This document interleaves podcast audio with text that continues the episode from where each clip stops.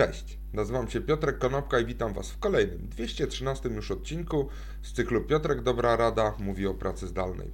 Dziś powiem kilka słów na temat home sittingu albo house sittingu. Kojarzycie? Od roku jesteśmy zamknięci w czterech ścianach i większość z nas ma poczucie, że te cztery ściany właściwie się nie zmieniają. I to poczucie jest bardzo dobre.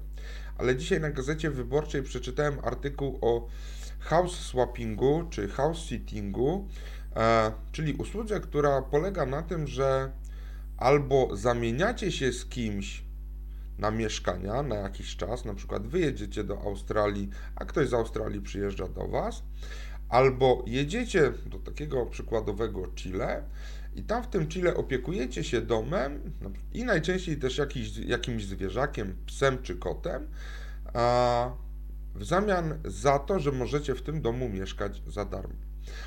Według mnie jest to idealna koncepcja, żeby mieć workation, czyli pracę połączoną z wakacjami. Ostatnio kilku moich znajomych coś takiego uskuteczniało. Krzysiek Wojewodzic się tym chwalił e, i mówił, że to bardzo dobrze się sprawdza. Natomiast ja sobie pomyślałem, że oczywiście idąc z duchem tego, co napisała gazeta, prędzej oddamy komuś pod opiekę dziecko, jakiemuś sąsiadowi, niż oddamy temu sąsiadowi klucze do mieszkania. Natomiast tutaj e, w tym artykule są podane przykłady takich mm, portali, jak na przykład Home Exchange, to znaczy ty przyjeżdżasz do mojego domu, ja zatrzymam się w twoim.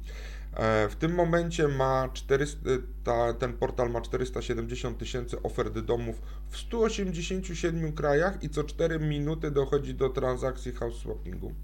Są podane przykłady tego, że w Wielkiej Brytanii czy w Kanadzie ludzie bardzo często takie e, rzeczy takich transakcji dokonują. Są podane przykłady Polaków, którzy w ten sposób pojechali, na przykład Ola Wysocka, autorka bloga o podróżowaniu z dziećmi 8 stóp. Są przykłady tego, że e, w ciągu 6 czy 7 miesięcznego pobytu na innym kontynencie ludzie mieszkali w 10 domach, bo chcieli sprawdzić, jak to jest żyć w Australii w różnych miejscach. Są portale o nazwie na przykład Hospitality Club czy Couchsurfing. E, ktoś pisał, że na mojej kanapie spało co najmniej 600 osób, w tym dyrektor pewnej dużej sieci hoteli. Mógł, mógł nocować za darmo w dowolnym hotelu tej sieci, jednak wolał kanapę i towarzystwo drugiego człowieka. Bardzo często y, ludzie oddają pod opiekę swoje zwierzęta, bardzo często proszą o to, żeby podlać ogród, żeby skosić trawnik i warto się zastanowić nad tym, czy ten moment pandemii pracy zdalnej nie pozwala nam na podjęcie takiej decyzji, że a co nam szkodzi spróbować i pomieszkać przez jakiś czas w innym otoczeniu. Jeżeli macie dom, mieszkanie, to oddajcie to innym ludziom, a w zamian za to skorzystajcie z ich oferty i być może tam poczujecie się lepiej e, i trochę inaczej, bazując na tym, że dzisiaj jesteśmy właściwie zamknięci w tych czterech ścianach.